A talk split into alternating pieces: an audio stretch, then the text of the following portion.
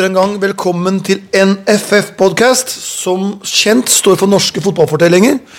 Der vi møter mennesker som har bidratt til å sette norsk fotball på kartet.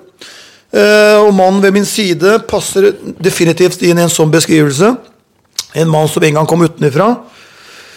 Ble født i 1952 på Sagøya Island. Og 1952, da var det faktisk vinter-OL i Oslo i Norge.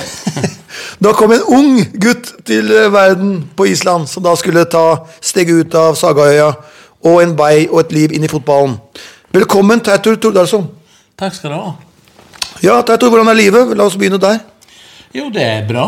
Det er veldig bra, faktisk. Det er eh, deilig å kunne ta det litt rolig òg. Ja, ta det rolig. Etter, etter, etter, etter et, langt fotball, et langt liv og et langt fotballiv, som da begynte vel på Island eh, en gang i tiden. Ta oss tilbake til barndommen på Island, oppveksten og din vei inn i fotballen.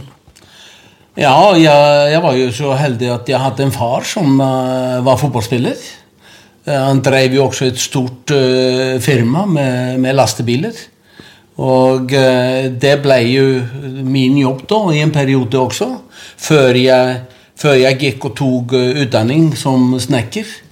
Og utdanna meg til byggmester samtidig som jeg da jobba litt i firmaet til far og, og holdt på med fotball på, eh, ja, på, som amatør. da. Vi fikk jo ikke noe betalt for å holde på med dette, men vi ofra hele livet for det. Mm. Så, så var det en naturlig link gjennom din far til fotballen, da.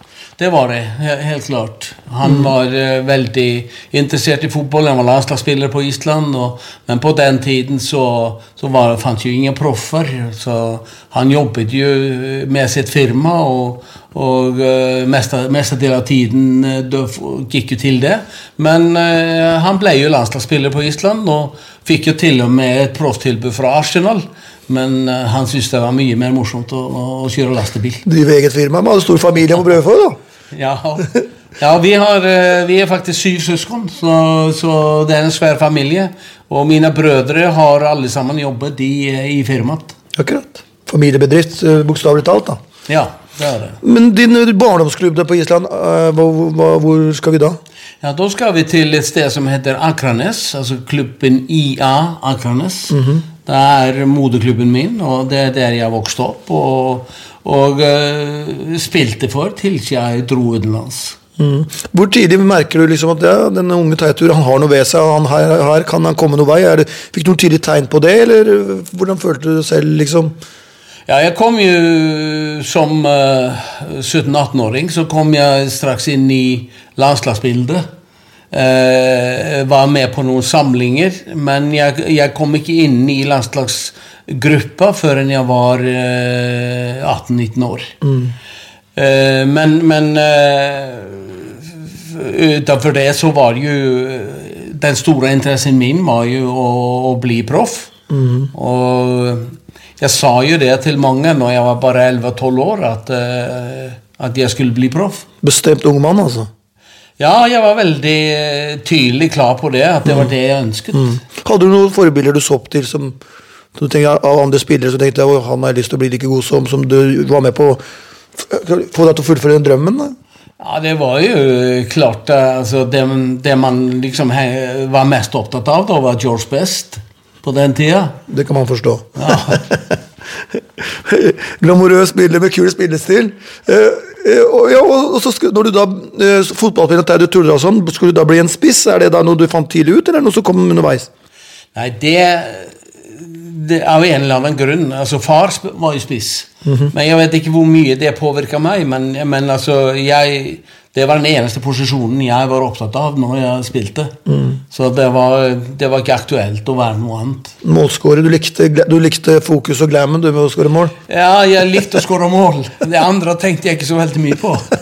Du var ikke den som jobba mest hjem igjen, med andre ord? Eh, nei, ikke kanskje i begynnelsen, men målene var jeg veldig opptatt av. Jo, det er noe som preger karrieren din, at du er en habil målgjører, målgjører uansett hvilken klubb du er i.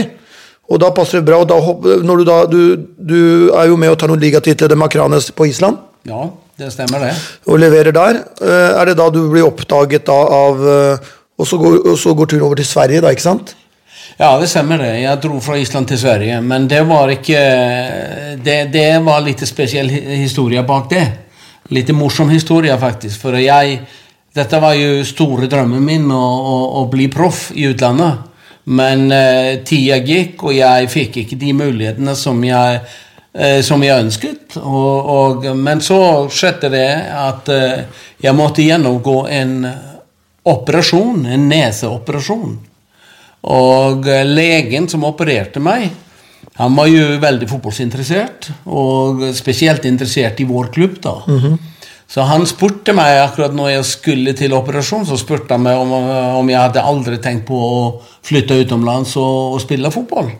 Og jeg sa jo, det har jeg drømt, det har jeg drømt om lenge, sa jeg, men muligheten har ikke kommet. Så, så derfor var jeg her fortsatt. Og da sa han Eh, jeg jobber jo i Sverige på somrene litt, så jeg kan sjekke for deg litt om det fins interesse for at eh, du kunne komme over og prøvespille. Og så gjorde han det. Så fikk jeg en telefon på sensommeren i 1976. Og uh, hvor uh, Jönköping Södra, en klubb i uh, andredivisjon i, i Sverige, inviterte meg til prøvespill. Og uh, der begynte det, for å si det sånn, at jeg dro over og prøvespilte. Og de ville, ville, skrive kontrakt med meg med en gang, hvilket jeg også gjorde. Og så flytta jeg til Sverige da i januar 77.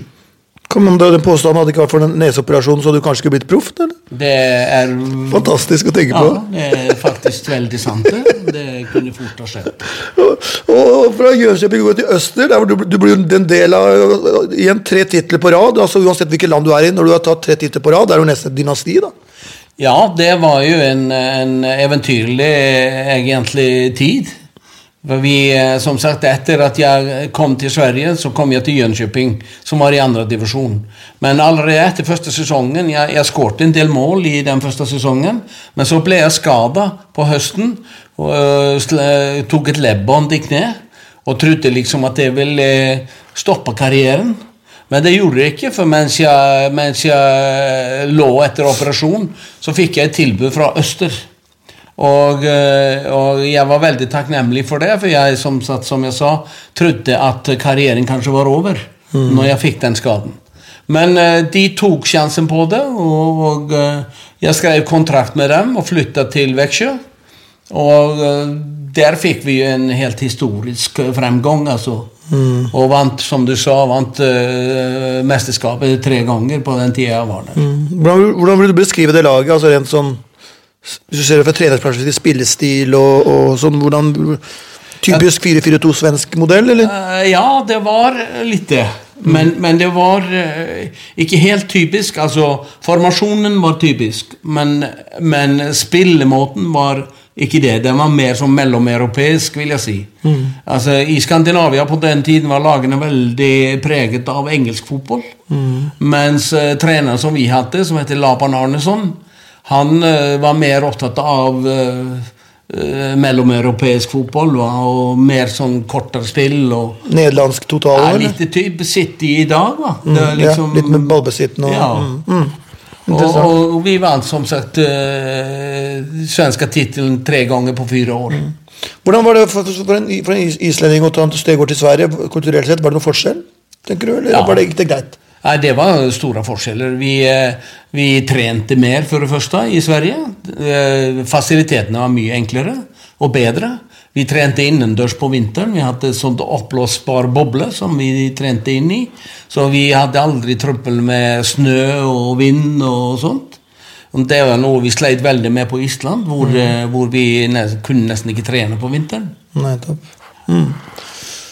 Eh, ja, og eh, når du da gjør fra deg i, godt i, i, øster, så går jo turen videre da til Frankrike. Og så tenker jeg Frankrike på den tiden Det måtte ha vært veldig på en måte litt glamorøst og litt stort å havne i Frankrike. Hvordan gikk, den, hvordan gikk det ta oss litt tilbake i kulissene her, hvordan gikk den overgangen til? Hvordan ja, den, eh, den, Det var en uh, svensk agent som hadde tydelig en at Eller eh, Eller jeg Da hadde begynt å jobbe med å få meg ned til Frankrike.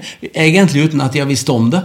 Jeg visste at han jobba med noe, men han, jeg ble aldri fortalt før egentlig det lå på bordet en mulighet for å gå til Frankrike. Men samtidig da hadde jeg mulighet til å dra til England. Eh, det var en, eh, en trener i Sverige som het Bob Houghton. Trente Malmö FF til flere mesterskap. Han tok over Bristol City i England i en periode da de var i toppdivisjonen. Og han ville ha meg over dit. Men akkurat i det jeg skulle til å øh, skrive under en avtale, så kom Lens i Frankrike på, på banen. Og jeg var så fascinert av, øh, av, dem at jeg bestemte meg for å dra dit isteden. Når du får det der, du tenker Frankrike, liksom Paris altså Frankrike med alt det innebærer med kultur og, og, og, og, sin historie, det landet og alt mulig, var det litt sånn derre uh, følelses av stunds alvor, og nå er drømmen virkelig det jeg drømte om Det er der nå, liksom. Kunne man ta oss litt der? Ja, absolutt. Det, det, det var det. Eh, jeg har jo alltid vært veldig opptatt av å lære meg nye språk og så videre. Og eh, når muligheten til å altså, dra til Frankrike, eh, spille toppfotball, lære seg nytt språk og nye kulturer, kultur, ja. mm. så, så var det noe som fascinerte meg veldig. Og det har jo egentlig preget karrieren min veldig hele tida. Mm. Det at, at, ikke bare uh, fotballen har liksom dratt meg frem, men det har vært kulturen. Uh, lære å kjenne noe nytt og, mm. og annerledes. Mm. Det er jo familien din, da, sikkert? da. Ja, ja, det er mm. sikkert noe i det. Mm, mm. Uh, og, men også, også, Frankrike på den tiden her, vi snakker 80, 80, altså 81-82-sesongen der. og det Mange glemmer at på den tiden her så spiller jo alle disse franske gutta hjemme.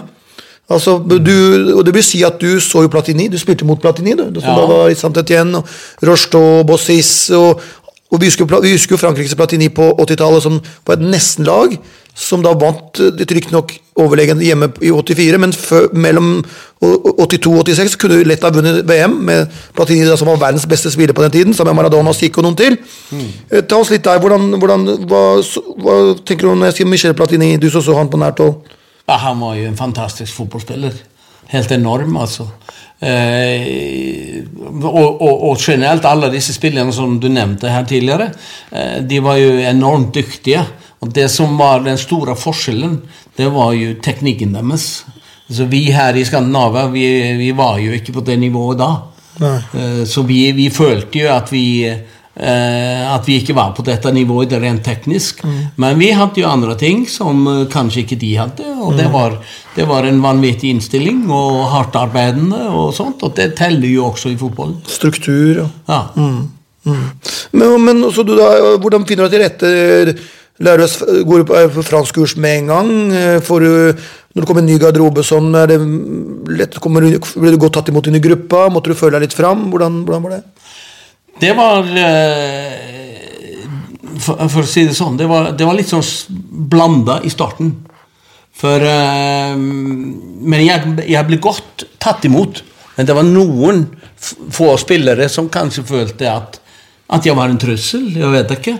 Men i hvert fall så var det ja, som det alltid er, kanskje. Du kommer for å ta jobben min, liksom? Ja, nettopp. Mm. Det, er, eh, det, er, ingen hobby, altså. Der er det mer enn jobb. Profesjonell, ja. Det er profesjonalitet, ikke sant? Og, og, og, og, inntekt og levebrød, rett og slett. Nettopp. Så, mm. men, men, eh, men, jeg vil si sånn generelt så ble jeg godt mottatt, og, og eh, eh, fant meg fort til rette. Mm. Og, men, men, det er ikke noe tvil om at språket var en barriere i starten. Mm. En veldig barriere, for jeg, det tok litt tid å lære seg fransk. Jeg hadde jo ikke noen kunnskap om det før jeg dro ned hit. Du kunne bare champagne og café au lait? Ja, det var fingerspråk. det var bare fingerspråk i starten.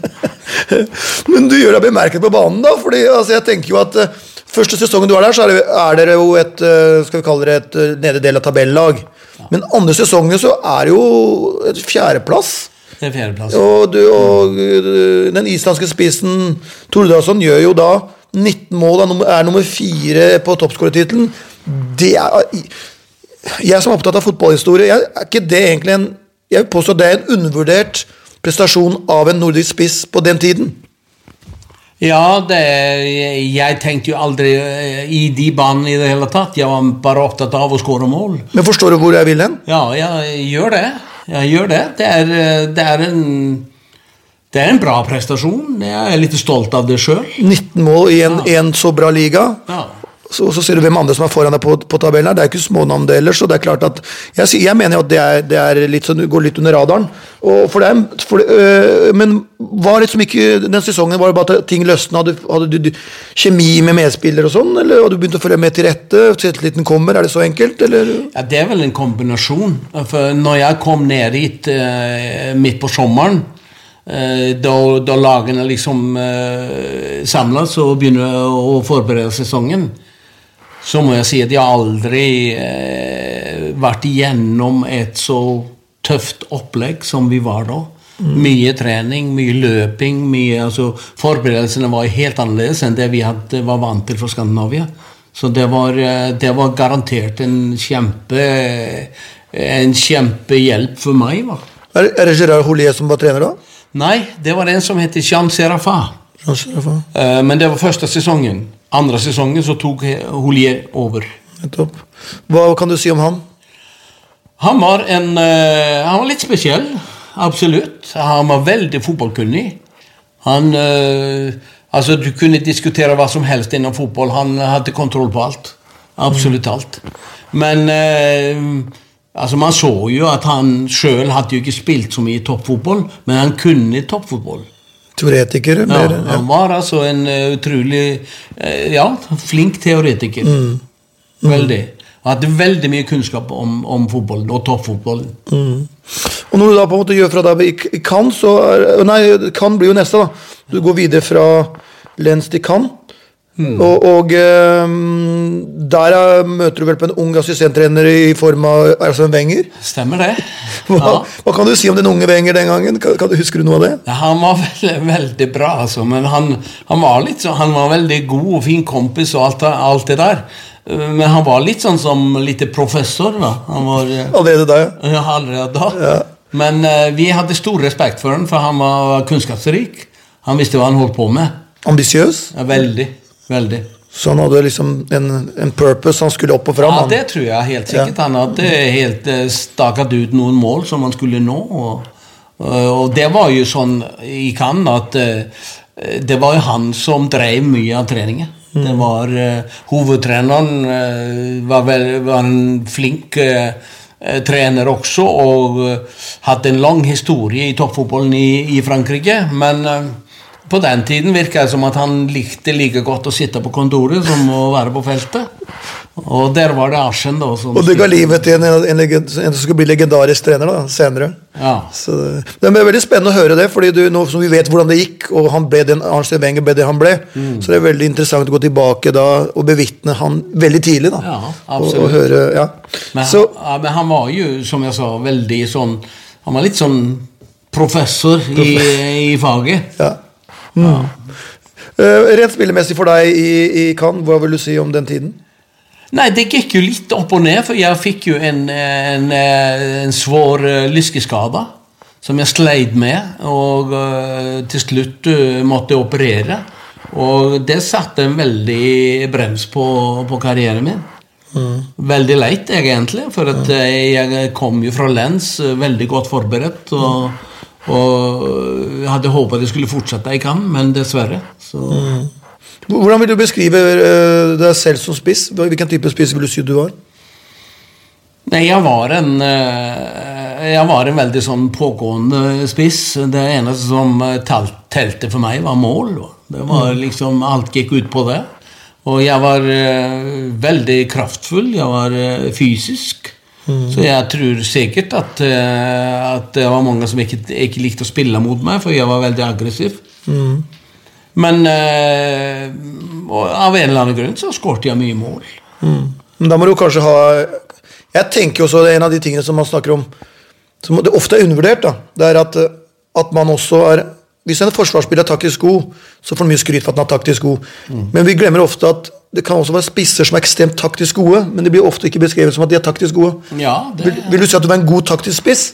I, for, i tillegg til, til kraftfullhet? kraftfullhet? Eh, Ja, jeg vil, ja, personlig så vil jeg påstå det. Jeg, altså, man, man skårer ikke mange mål om man ikke eh, liksom på en måte føler seg godt inne i et lag og, og er taktisk klok. Vet hvor ballen skal komme? Og, Ja, nettopp. Man, man leser eh, medspillerne litt, og, og motspillerne òg. og, og så havner du tilbake da i, i, i Sverige. Etter du har vært eh, i eh, er det Øster igjen i 85-86. Ja. Men jeg hadde en eh, Sveits, et mellomstopp I Sveits. for noen måneder. Eh, og grunnen til det var at eh, eh, når jeg la, gjorde kontrakten med Øster igjen, så var det ved årsskiftet. Eh, og eh, jeg ville heller dra til Sveits og spille fotball gjennom vinteren. Holder deg i gang. Ja. Ja, Heller enn å gå til Sverige og gå inn i en eh, vinteroppkjøring. Ja. ja. Det skjønner jeg jo. Så jeg kom til Sverige på, på sommeren, da, etter å ha spilt en halv sesong i Sveits. Men når du kommer tilbake til Øster, er det litt sånn der en gammel helt som er tilbake. Vi skal prøve å gjenskape svunne glansdager. Ja, det var, altså klubben hadde jo de ambisjonene. Men det, hadde, det var jo store utskiftninger på mannskap fra da jeg var der tidligere. Så, så, så det var jo selvfølgelig noe helt annet. Mm. Mange unge spillere på vei inn, og, og annet eh, brødrene Ravelli, som var jo landslagsspillere. Og, og, så de var jo, de var jo der. Og, og det, det var liksom, gikk mer ut på å bygge opp et nytt lag. Og eh, når, vi da, eh, som når det går mot slutten av karrieren som spiller, da du avslutter du i, i Skovde Ja. i, i 87.